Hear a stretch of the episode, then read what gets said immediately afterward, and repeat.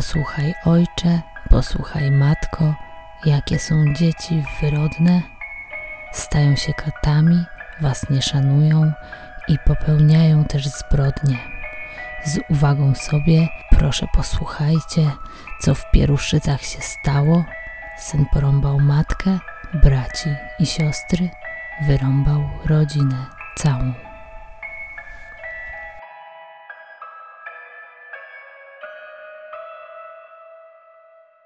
W kryminalnej historii Polski nie brakuje szokujących spraw, ale żadna nie przypomina tej z Pieruszyc. Wsi, w której zresztą kilka lat później doszło do masowej rzezi kurczaków. Jeśli coś w ogóle przypomina historię rodziny koniecznych, to słynna amerykańska sprawa z Amityville. Zapraszam na międzywojenne zbrodnie prowincjonalne.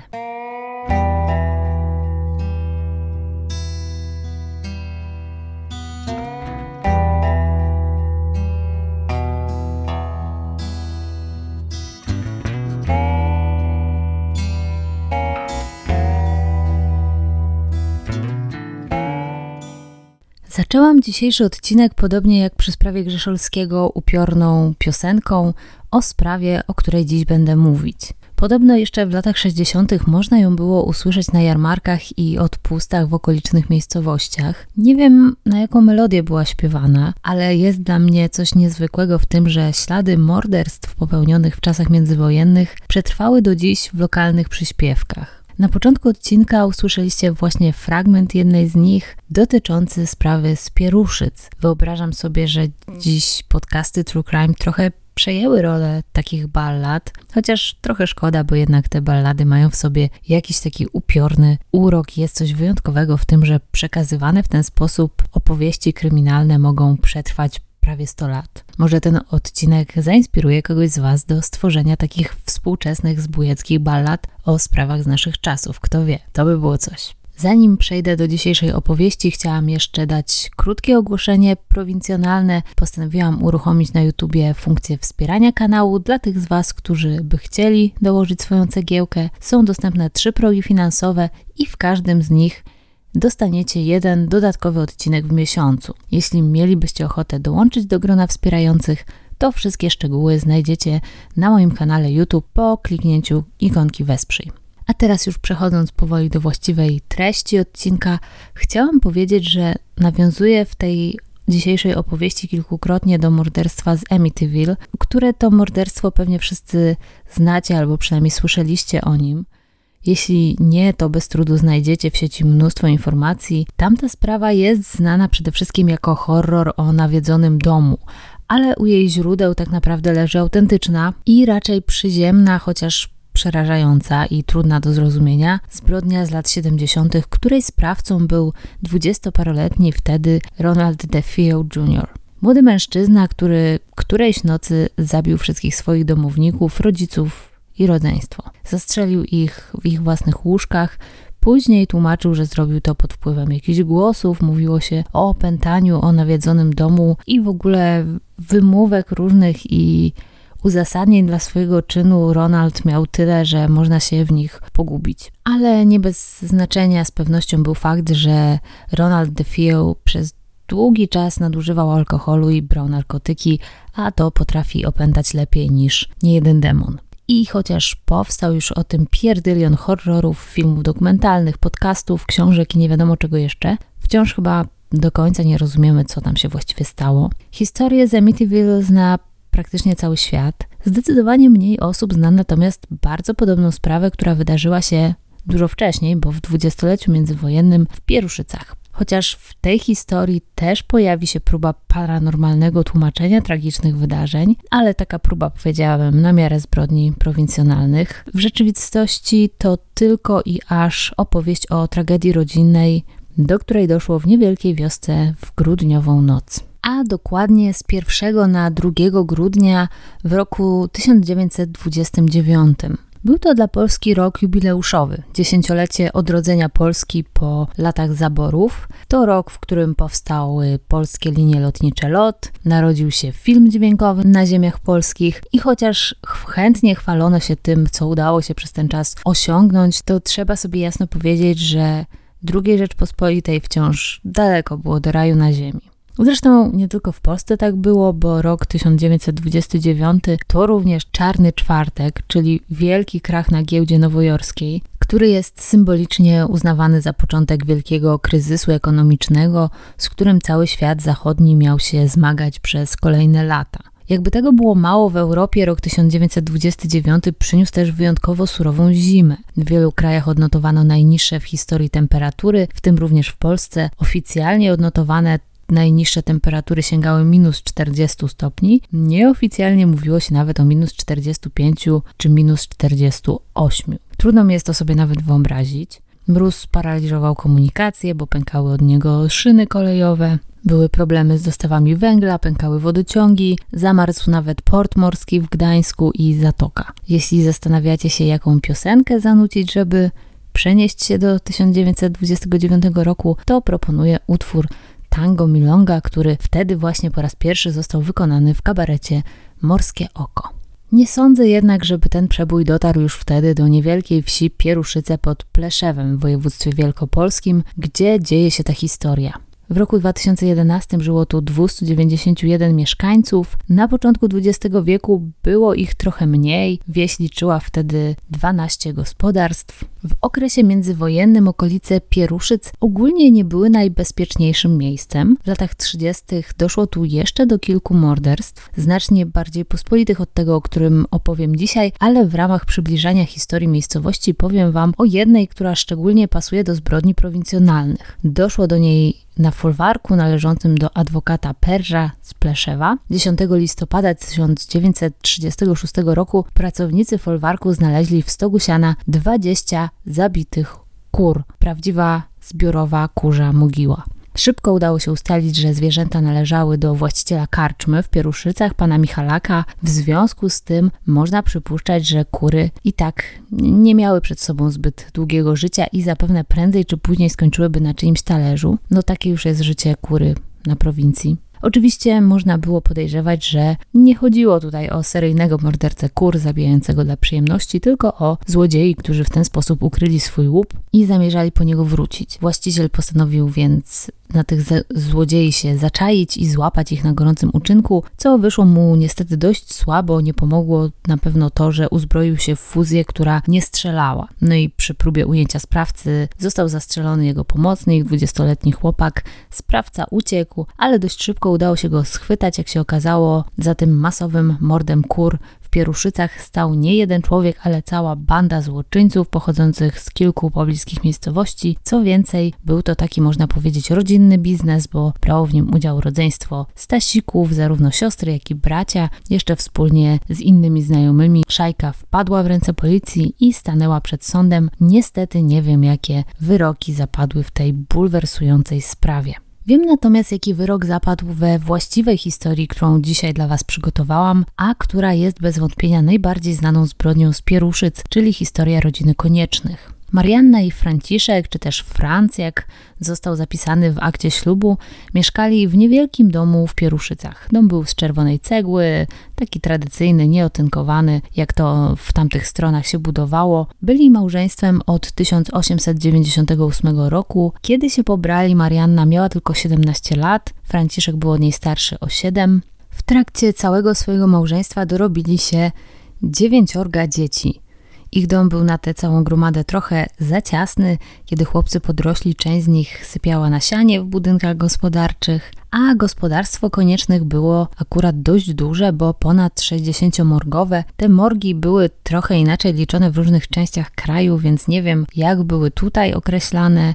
ale tak mniej więcej to mogło być około 35 hektarów, może trochę więcej. Także całkiem pokaźnych rozmiarów gospodarstwo, na pewno nie brakowało w nim pracy, nic więc dziwnego, że państwo konieczni zatroszczyli się o to, żeby miał im kto na roli pomagać. W 1929 roku najmłodsze z ich dzieci, czyli Leokadia, miała 7 lat, Jej ojciec Franciszek już wtedy nie żył i tu warto zauważyć, że ta przerwa pomiędzy siedmioletnią Leokadią a kolejnym po niej piętnastoletnim Stefanem nie jest przypadkowa, nie wynika z jakiejś nagłej potrzeby zachowania wstrzemięźliwości u państwa koniecznych w ciągu tych kilku lat. Przypada ona na okres od 1914 do 1921 roku, czyli na czas, w którym Franciszek przebywał w rosyjskiej niewoli podczas I wojny światowej i jeszcze po niej kilka lat. Przez te lata Marianna musiała jakoś sobie z całą gromadą dzieci radzić. Może pomagała jej trochę rodzina, nie wiem, ale jakoś udało im się przetrwać ten czas.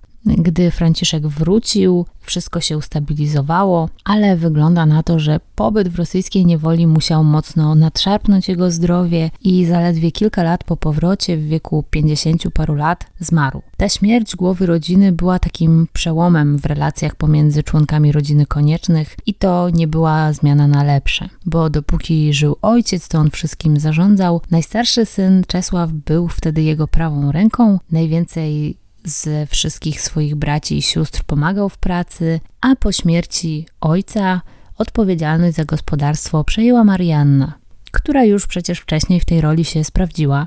Była jeszcze w pełni sił, miała do wychowania młodsze dzieci, dorosłych synów do pomocy, także wzięła sprawy w swoje ręce. To jednak nie do końca podobało się Czesławowi, który jako najstarszy chciał chyba mieć więcej swobody w pracy i to powodowało konflikty między nim a matką. Te konflikty nie przybierały nigdy jakiejś takiej formy przemocy fizycznej, przejawiały się raczej w tym, że Czesław coraz bardziej stronił od reszty rodziny, coraz bardziej się od nich oddalał, znikał na całe wieczory, migał się od pracy, ale też ukradkiem zabierał matce pieniądze, czyli mówiąc wprost okradał ją. To nie podobało się też oczywiście jego rodzeństwu, szczególnie tym, którzy jeszcze mieszkali w Pieruszycach, bo dwie dorosłe córki koniecznych wyprowadziły się już z domu.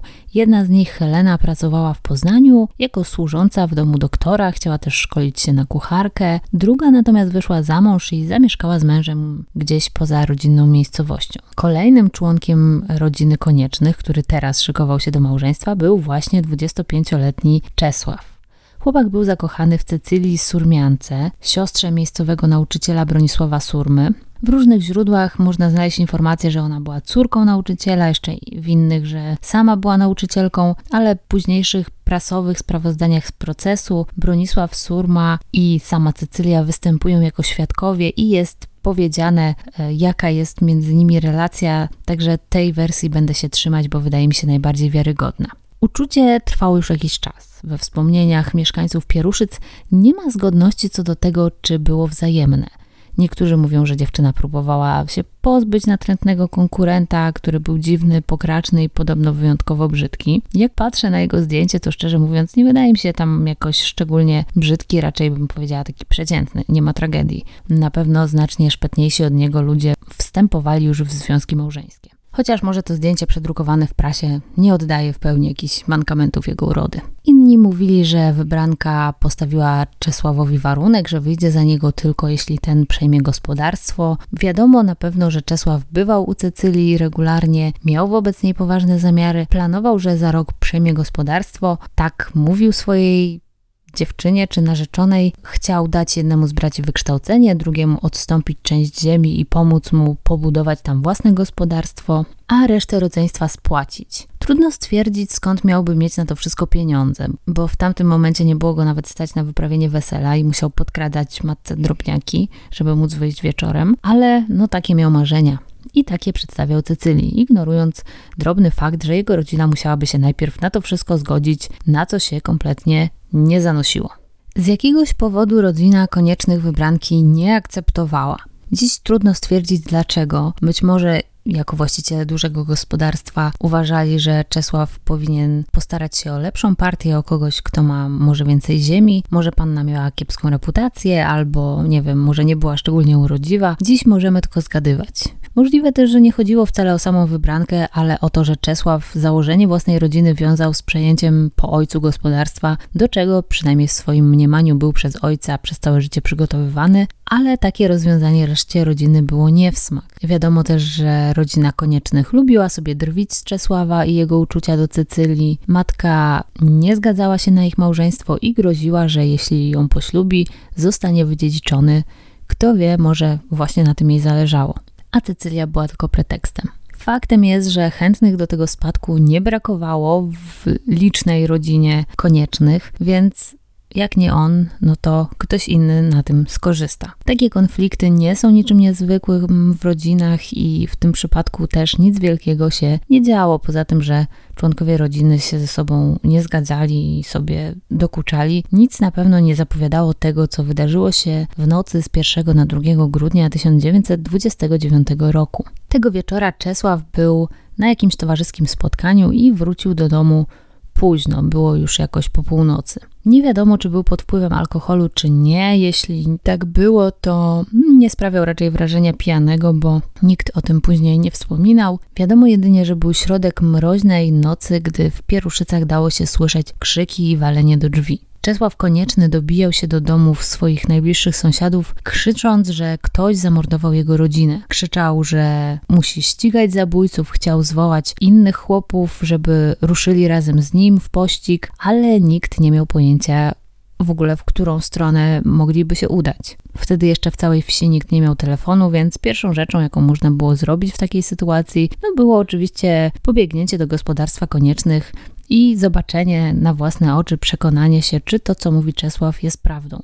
Kilku gospodarzy uzbroiło się więc w lampy, w latarki, no bo to był przecież środek grudniowej nocy, to już powtarzam po raz setny, i poszli. Kiedy weszli do domu, ukazał im się widok, który my dzisiaj znamy z horrorów, ale którego oni prawdopodobnie nigdy nawet sobie nie wyobrażali. No nie wiem, chyba że ktoś z nich był na wojnie. Już od progu w izbie na podłodze leżały zakrwawione ciała członków rodziny koniecznych. Przy samym wejściu na podłodze były ciała 18-letniej Marii, której napastnicy odrąbali rękę, i jej 24-letniego brata Jana. Pozostali członkowie rodziny leżeli w łóżkach z porozbijanymi głowami i ranami na szyi. Wszędzie było mnóstwo krwi na podłodze, na ścianach. Wyglądało to tak, jak gdyby część rodziny została zaatakowana podczas snu. Ostatnich dwóch braci koniecznych, Michała i Stanisława, znaleziono w jednym z budynków gospodarczych jak bardzo upiorne musiało być odkrycie takiego miejsca zbrodni w środku nocy przy świetle słabych latarek i świeczek, nawet trudno sobie to wyobrazić. No więc mieszkańcy Pieruszyc tak się kręcili po tym domu i obejściu, ręce załamywali, za głowę się łapali, a przy okazji oczywiście niszczyli wszystkie ślady, jakie mogłyby podpowiedzieć policji, jak doszło do tej zbrodni ale trzeba im wybaczyć, nie mieli jeszcze tak jak my przeszkolenia kryminologicznego dzięki CSI, Dexterowi, Mindhunterowi, a pewnie nawet do Agaty Christie w Pieruszycach w 1929 roku mało kto miał okazję zaglądać. Ale w końcu ktoś tam z tego towarzystwa oprzytomniał i dotarło do nich, że wypadałoby powiadomić o wszystkim policję. Ktoś przyprowadził wóz i dwóch mężczyzn wspólnie z Czesławem Koniecznym pojechało na posterunek, żeby złożyć zawiadomienie o przestępstwie. Tak jadąc przez kilka kilometrów do Broniszewic Nowych, gdzie był najbliższy posterunek, Panowie mieli chwilę, żeby się uspokoić, pomyśleć, no i nagle dotarło do nich, że ten Czesław Konieczny to jakoś tak dziwnie się zachowuje i dziwnie wygląda. Poza tym, dlaczego właściwie ma na sobie krew? I dlaczego chociaż było zimno, wyrzucił gdzieś swój płaszcz? Im bardziej zbliżali się do posterunku, tym bardziej nerwowo się zachowywał. Palił jednego papierosa za drugim, no ale jak się ma zachowywać ktoś, kto właśnie znalazł całą swoją rodzinę martwą w ich własnym domu? Na komisariat dotarli około godziny trzeciej w nocy. Zastali tam funkcjonariuszy, którzy dowiedziawszy się o tym, co się stało, czym prędzej ruszyli na miejsce zbrodni, zabierając za sobą psa Wilczka – no i to właśnie Wilczek miał się okazać bohaterem w tej sprawie. Po przybyciu na miejsce zbrodni funkcjonariusze zauważyli, że na klamce w domu koniecznych y, widnieją ślady krwi, które prawdopodobnie musiał zostawić morderca. Pies podjął ten trop i zaprowadził ich do zakrwawionego płaszcza zakopanego w błocie na podwórzu, a następnie pobiegł prosto do koniecznego, który stał na podwórku wśród gapiów i zaczął na niego szczekać. Czesław miał ślady krwi na ubraniu, we włosach, za uchem, ale twierdził, że z morderstwem nie ma nic wspólnego. Był bardzo spokojny. Posterunkowemu wróblowi, który był przy tym obecny, powiedział, że krew, którą zauważono u niego za uchem, to krew Stanisława, któremu próbował pomóc, kiedy zauważył, że jeszcze żyje i w ten sposób się pobrudził. Bo nie powiedziałam jeszcze o tym, że znaleziony w stajni Stanisław był ciężko poraniony, ale wciąż jeszcze żył. Trzeba go było jak najszybciej przewieźć do szpitala w Pleszewie. Lekarz przybył do Pieruszyc dopiero około 6 rano i zarządził zabranie chłopaka i wtedy na miejscu był też obecny sołtys Andrzej Krzyżostaniak. Mężczyzna próbował dowiedzieć się czegoś od Stanisława, pytał go, kto to zrobił, i chłopak miał trudności z mówieniem, oczywiście miał urazy głowy. Udało mu się jednak powiedzieć, że napastników było dwóch, że został dźgnięty nożem, że napastnicy byli nietutejsi, jeden z nich miał być jego wzrostu i mieć wąsy i dodał jeszcze, że obaj byli z rudy. Sprawa z pewnością przerastała kompetencje miejscowej policji z broni Szewic Nowych. Zresztą, no, taka zbrodnia chyba w ogóle wszystkich musiałaby przerosnąć. W każdym razie do pomocy przybyło wkrótce jeszcze dwóch śledczych i ci znaleźli w studni siekierę, na której widać było ślady krwi i która, jak wszystko na to wskazywało, była narzędziem zbrodni. Jednocześnie w szpitalu zmarł ciężko ranny Stanisław. Ten rysopis z wąsami jego wzrostu jakoś dziwnie pasował do Czesława. Chociaż z drugiej strony, czy mógłby nie rozpoznać w takiej sytuacji własnego brata? Trudno stwierdzić. Ale śledczy, znacznie bardziej doświadczeni od ich kolegów z prowincji, wzięli się za przesłuchanie koniecznego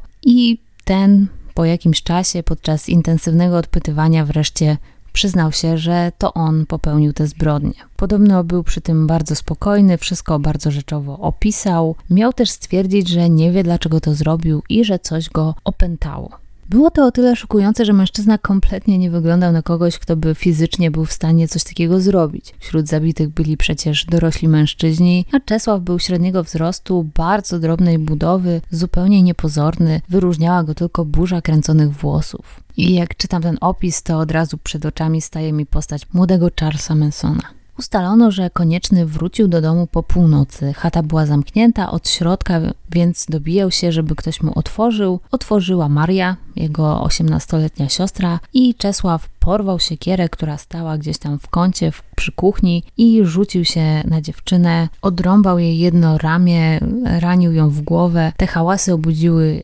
jego brata Jana, który zerwał się z łóżka, przybiegł do kuchni, próbował jakoś go powstrzymać ale i jego Czesław położył kilkoma uderzeniami. Następnie poszedł z siekierą do izby, w której spała matka i zabił ją w łóżku, podobnie jak swoje najmłodsze rodzeństwo, 15-letniego Stefana i 7-letnią Leokadię. Wszystkim zadawał ciosy w głowę i w szyję. Dorośli bracia, natomiast 22-letni Michał i 20-letni Stanisław prawdopodobnie spali wtedy na sianie, chociaż można znaleźć tutaj różne wersje tego, kto gdzie spał i w jakiej kolejności zginęli, kto się obudził, kto nie. Jedna mówi, że w stajni spał tylko Stanisław, inna, że żaden z nich, a jedynie podczas ataku Stanisław próbował uciekać i tam się znalazł, Czesław go dopadł i tam zaatakował. Z jednej strony nie wiem, czy w grudniu by spali gdzieś na sianie, ale z drugiej strony ten ich domek był naprawdę malutki, sądząc po zdjęciu, które z tamtych czasów się zachowało więc pewnie trudno im było wszystkim się tam pomieścić, a może te budynki gospodarcze, w których spali, były jakoś dobrze uszczelnione i było tam ciepło. Jeśli to była stajnia, to zwierzęta też trochę mogły ogrzewać od środka. Może więc faktycznie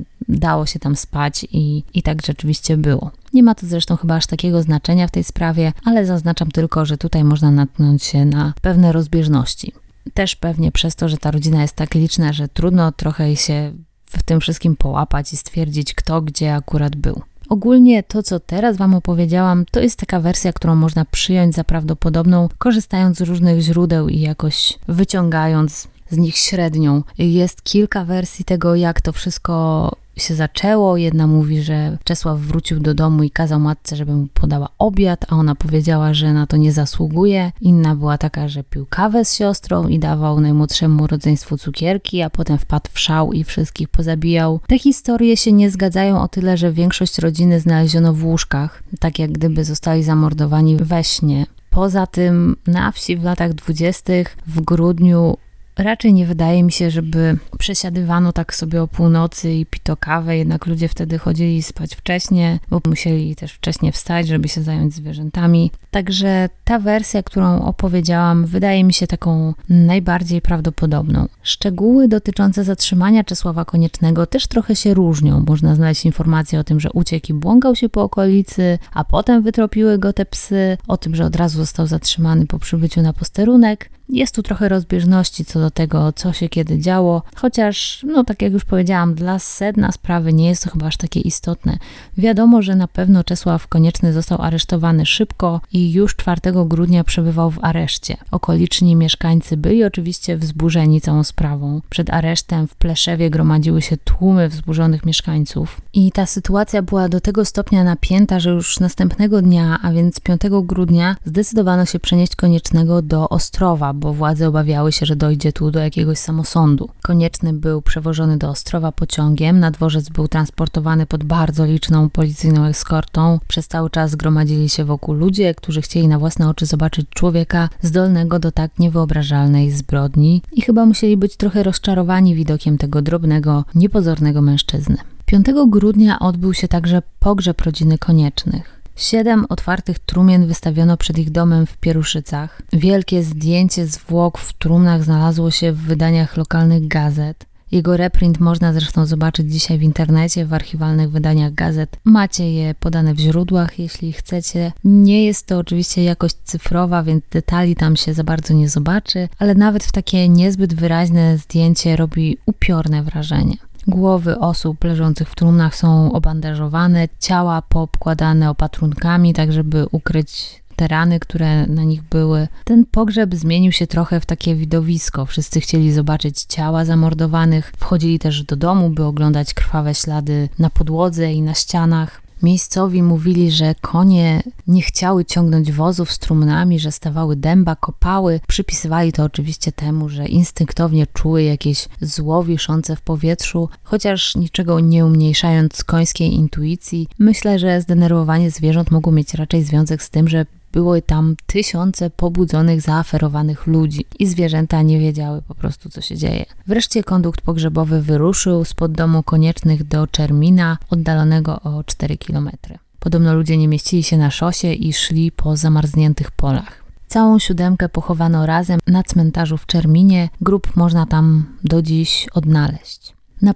pogrzeb koniecznych zjechały tłumy. Niektóre źródła podają, że było 10 tysięcy osób. Ja nie do końca mogę w to uwierzyć, bo to jest jednak strasznie dużo. No ale o sprawie było już wtedy naprawdę głośno, więc może faktycznie poprzyjeżdżali ciekawscy z okolicznych miast. W sumie takie głośne pogrzeby i rozprawy w sądzie to był Netflix tamtych czasów. O morderstwie w Pieruszycach pisano zresztą nie tylko w polskiej prasie, ale też w mediach zagranicznych, na przykład w New York Timesie. W maju 1930 roku rozpoczął się proces, który toczył się przed sądem w Ostrowie. Koniecznemu przydzielono obrońcę z urzędu, mecenasa Jankowskiego z Ostrowa. Chętnych, żeby zasiąść na widowni tego sądowego spektaklu było tylu, że trzeba było mieć specjalne bilety wstępu, żeby się dostać do środka. Trzeba jednak powiedzieć, że zainteresowanie sprawą było już raczej bardziej lokalne, w przeciwieństwie chociażby do procesu Grzeszowskiego, o którym mówiłam jakiś czas temu. O tej sprawie prasa informowała już tak raczej lakonicznie, w krótkich notatkach, w mało atrakcyjnych miejscach na szpaltach. Morderca się przyznał, nie można było liczyć za bardzo na jakieś pikantne zeznania świadków, na jakieś zwroty w sprawie, więc trochę to wszystko odeszło w zapomnienie. Na łamach gazet w dniach procesu Czesława Koniecznego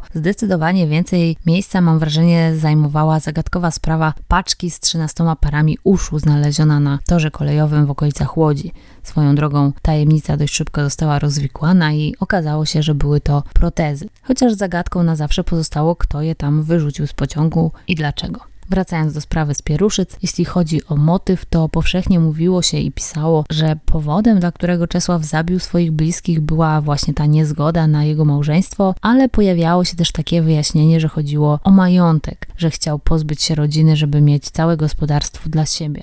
Można taki wniosek wysnuć na podstawie zeznań Heleny Koniecznej, siostry Czesława, która przed sądem wyznała, że matka chciała przekazać gospodarstwo Michałowi, którego uważała za bardziej odpowiedniego do tej roli. Helena twierdziła, że Czesław o niczym nie wiedział, że matka nigdy go o tym nie poinformowała, ale sądzę, że żyjąc w dwóch izbach w osiem osób, trudno jest utrzymać przed sobą jakieś sekrety i przypuszczam, że Czesław, jeśli nawet nie wiedział, to przynajmniej miał przesłanki, żeby się tego domyślać. Z kolei z ostatniej woli ojca wynikało, że on chciał rozdzielić majątek porówno pomiędzy wszystkich swoich spadkobierców. Jak zawsze przy okazji spraw historycznych mam dla Was suchara z międzywojennej prasy w numerze Echa z 31 maja 1930 roku, w którym możemy przeczytać o procesie koniecznego. Jest też rubryka z humorem sądowym i znalazłam tam taki dowcip. W sądzie przysięgłych. Sędzia. Do jakiego wniosku panowie doszli? Przewodniczący ławy przysięgłych. Oskarżony jest niewinny, ale należy go ostrzec, aby na przyszłość tego nie robił.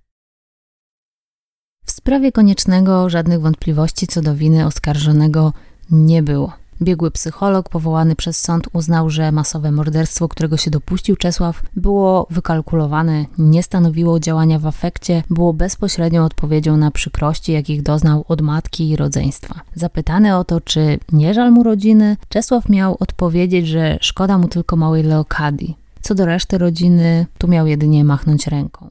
To też ciekawe, bo to jest kolejny element tej sprawy, który mi się kojarzy z mordercą z Amityville. On również mówił o tym, że żal mu tego młodszego rodzeństwa. Co do dziwnego zeznania Stanisława, to lekarze byli zgodni, że chłopak był w tak ciężkim stanie, gorączkował, miał tak poważne urazy głowy, że jego wyznanie nie było niczym więcej jak tylko majaczeniem umierającego człowieka. Obrońca Czesława też nie bronił go szczególnie płomiennie, trzeba powiedzieć. Zresztą na samym początku wygłosił taką chyba niezbyt etycznie i profesjonalnie brzmiącą dzisiaj krótką przemowę, w której podkreślił, że wolałby być w tłumie tych, którzy domagają się dla koniecznego najsurowszej kary, ale ma taką robotę, jaką ma, więc musi go bronić, bo tego wymaga prawo. Brakowało tylko, żeby jeszcze za to przeprosił. Jako okoliczności łagodzące wskazał fakt, że Czesław Wchodził w okres dojrzewania bez ojca, nie poświęcono mu dość uwagi, gdy był w najtrudniejszym wieku, i to mogło mieć negatywny wpływ na jego psychikę, a rodzina źle go traktowała, i to tylko te jego frustracje pogorszyło. No, trzeba przyznać, że ta argumentacja jakoś chyba szczególnie nikogo nie mogła przekonać. Zresztą nawet sam Czesław nie zamierzał się bronić. Podczas rozprawy konieczny miał wyrazić się następująco: nie przyjmuję żadnej innej kary, jak tylko karę śmierci, bo splamiłem towarzystwa, splamiłem swą owczarnię, swą rodzinę, ojczyznę i koronę polską. Wow, już bardziej patetycznie się nie dało. I taką też karę dostał. I to nie jedną, ale aż siedem. Dostał siedmiokrotną karę śmierci za każdą z zamordowanych osób. Wyrok miał zostać wykonany przez powieszenie. Podjęcie tej decyzji zajęło przysięgłym poniżej godziny. Konieczny zrzekł się też prawa do wniesienia apelacji, dzięki czemu wszystko zakończyło się bardzo szybko. Zdaje się, że odbyły się tylko trzy rozprawy. Dla lokalnej społeczności ta zbrodnia musiała być ogromnym szokiem i pewnie w ramach radzenia sobie z nim powstała właśnie ta ballada, którą dzisiaj zaczęłam odcinek. Można znaleźć zresztą różne wersje jej słów, jak to zwykle w przypadku takich ustnych przekazów bywa. Ja przytoczyłam tylko taki fragment, który znalazłam spisany w gazecie jarocińskiej z 2004 roku. To, jak bardzo społeczność potrzebowała ukarania tego sprawcy, znajduje chyba odzwierciedlenie w tej karze, którą poniósł. Tutaj warto przypomnieć, że mówimy o specyficznym okresie w historii Polski pod względem obowiązującego prawa. Otóż druga Rzeczpospolita nie posiadała jeszcze własnego kodeksu karnego, który by był jednolity dla wszystkich terenów administracyjnie przynależących do Polski. Taki kodeks wprowadzono dopiero w 1932 roku, a do tej pory korzystano wciąż z kodeksów, które na danym terenie obowiązywały podczas zaborów, czyli w różnych częściach Polski za to samo przestępstwo można było być inaczej sądzonym i inaczej ukaranym. Ponieważ Pieruszyce leżą na zachodzie, to wtedy obowiązywało tam prawo niemieckie. I według niego konieczny był właśnie sądzony, stąd ten siedmiokrotny wyrok kary śmierci. Z wykonaniem wyroku szczególnie długo nie czekano. Już 19 lipca 1930 roku w więzieniu w Ostrowie Czesław Konieczny został powieszony. Lokalne legendy głoszą, że wieszano go również 7 razy, po jednym razie za każdą z ofiar, ale to już jest raczej wytwór fantazji. Przed egzekucją morderca miał przystąpić do sakramentów, pojednać się z Bogiem i okazać skruchę. Mężczyznę pochowano na cmentarzu przy ulicy Limanowskiego w Ostrowie Wielkopolskim, jednak nie w grobie, a na ścieżce. Ułożono tam jakieś kamienie, prawdopodobnie pokruszone kawałki płyty nagrobnej, w których wyryto krzyż, żeby ludzie przechodzący na cmentarz deptali po grobie mordercy, żeby jego dusza nigdy nie zaznała spokoju. I tak właściwie jest do dziś. Całkiem niedawno ta ścieżka została wyłożona kostką, jednak żeby jakoś to miejsce zaznaczyć, tam gdzie leżały te kamienie, położono kilka jaśniejszych kostek, które odróżniają się od reszty chodnika, dzięki czemu nadal można to miejsce spoczynku Czesława Koniecznego odnaleźć.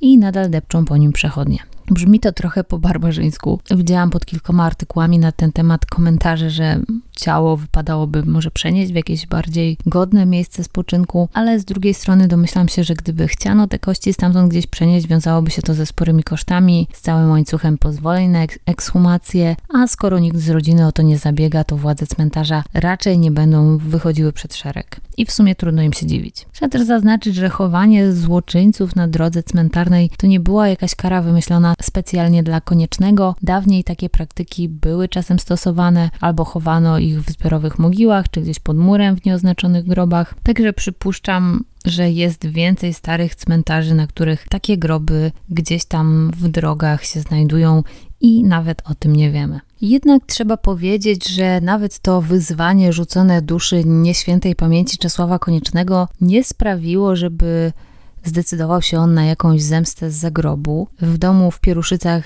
w przeciwieństwie do tego w Amityville, nie odnotowano żadnych nadprzyrodzonych zjawisk. Po tej tragedii gospodarstwo pozostało zresztą w rękach e, rodziny, a konkretnie tych jej członków, którzy nie zginęli podczas tamtej grudniowej nocy i ich potomkowie mieszkają tu aż do czasów współczesnych. Jedyną taką niepokojącą rzeczą, jaka się w nim wydarzyła, był pożar, do którego doszło dobrych kilkadziesiąt lat po tej tragedii, ale chyba nikt nie przypisywał winy za to jakimś nadprzyrodzonym siłom. Jednak wtedy, pod koniec lat 20., na początku lat 30., podobnie jak w przypadku Amityville, tak i w Pieruszycach, dość szybko pojawiła się próba znalezienia jakiegoś paranormalnego wytłumaczenia dla tej zbrodni. Mówiło się o klątwie, która zawisła nad rodziną koniecznych, i pojawiła się taka historia, że dziadek Marianny Koniecznej był leśniczym i zastrzelił kiedyś ojca siedmiorga dzieci, który był złodziejem. I coś tam kradł, nie wiem, może drzewo z lasu, czy kłusował. W każdym razie został przez niego zastrzelony i wdowa po tym mężczyźnie miała podobno przekląć cały ten ród i życzyć im, żeby wyginęli. No i tych siedem osób to miała być kara właśnie za tych siedmioro osieroconych dzieci wdowy. Mówiono też o przeczuciach, jakie miała mieć Marianna w dzień przed zabójstwem. Podobno mówiła o nich swojemu bratu i księdzu, z którym rozmawiała tego dnia. Miała stwierdzić, że czuje, że zdarzy się coś złego. Pewnie obarczenie winą za te zbrodnie szatana, demonów czy innych piekielnych sił byłoby dla nas wygodniejsze. Moglibyśmy sobie tłumaczyć, że taka zbrodnia nie leży w ludzkiej naturze, że do tego potrzebne są jakieś nieczyste siły, które kogoś zniewolą. Niestety takie wyjaśnienie nie ma wiele wspólnego z prawdą. Oczywiście każdy zastanawia się, co w ogóle sprawia, że ktoś pewnego dnia bierze siekierę i zabija całą swoją rodzinę. Chciałoby się powiedzieć, że to musi być jakaś choroba psychiczna, albo opętanie, albo czyste zło, ale wiadomo, że to jest coś bardziej złożonego. Często takie sytuacje nie pojawiają się znikąd i gdy zaczyna się drążyć, co się działo wcześniej w takiej rodzinie, okazuje się, że była tam jakaś czy to historia przemocy, czy wykorzystywania, poniżania. Tutaj wiemy jedynie o tym wyśmiewaniu przez rodzeństwo i braku zgody matki na związek z ukochaną. Życie w małym domku z tak liczną rodziną prawdopodobnie mogło wiązać się z różnymi napięciami. Niewiele prywatności, konflikty również na tle finansowym, o to, kto ma przejąć gospodarstwo. Do tego o Czesławie Koniecznym mówi się, że był brzydki, że był pokraczny, zatem mógł też stanowić obiekt drwin nie tylko w domu, ale ogólnie w swojej społeczności i być może to sprawiło, że jego psychika skręciła gdzieś w jakieś mroczne rewiry. Ale czy to oznacza, że każda osoba z takimi doświadczeniami zostaje mordercą? No oczywiście, że nie. I ogólnie, żeby ktoś popełnił morderstwo, musi zaistnieć splot różnych czynników zewnętrznych i wewnętrznych, pewne uwarunkowania biologiczne, psychiczne, a do tego okoliczności jakieś takie życiowe, które sprawią, że te predyspozycje się ujawnią. I poszukiwanie tych czynników wciąż jest wielką zagadką i zagadnieniem, nad którym cały czas pracują specjaliści. A jak dokładnie wyglądało to w przypadku Czesława, no to możemy już dzisiaj tylko zgadywać. Sprawa wyjątkowo szokująca, trudna do zrozumienia, przede wszystkim w takim wymiarze emocjonalnym, no bo zagadki kryminalnej to wielkiej tutaj nie było. Nie można zwalić wszystkiego na telewizję albo na gry komputerowe, bo to nie te czasy. Nie można raczej obwiniać duchów, chyba że uznamy klątwę wdowy po złodzieju za wiarygodne wyjaśnienie. Niestety przyczyn takiej zbrodni trzeba szukać gdzieś w ludzkiej naturze i nie jest to pocieszający wniosek. Dzięki za uwagę. Dziękuję tym, którzy już dołączyli do grona wspierających na YouTubie. tych, którzy jeszcze nie, aby chcieli, to zapraszam. Trzeba być zalogowanym na YouTubie i wejść w ikonkę Wspieram, która przy nazwie kanału się znajduje. Będę od stycznia dodawać dodatkowe odcinki, dostępne tylko dla osób wspierających. Widziałam już opinię, że to drożej wychodzi niż Netflix, więc pragnę tylko podkreślić, że to nie jest żaden abonament czy VOD, tylko forma takiego crowdfundingowego wsparcia podcastu, a regularne odcinki zbrodni prowizjonalnych są i będą dostępne bezpłatnie, tak jak do tej pory. W tej chwili jest ich już prawie 30, a te dodatkowe treści będą moim podziękowaniem dla tych, którzy wspierają kanał, tak żeby mogły powstawać zarówno te treści bezpłatne, jak i te dodatkowe. I zbrodnie prowincjonalne będą nadal funkcjonowały tak jak do tej pory i nadal możecie się spodziewać co tydzień nowego odcinka i już teraz Was na niego zapraszam. Do usłyszenia.